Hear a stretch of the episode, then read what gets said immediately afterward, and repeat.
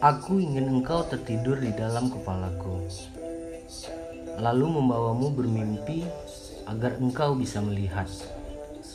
Ketika ku letakkan engkau di atas kepalaku dan membawamu berjalan ke dalam hayalku. Di sana engkau memiliki sayap yang sangat indah dan terbang sangat jauh sampai aku tak melihatmu lagi. Lalu di suatu malam aku melihatmu tertidur dengan keadaan luka di kaki kananmu.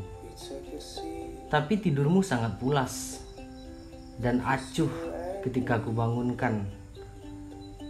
Lalu kuletakkan engkau di kedua telapak tanganku.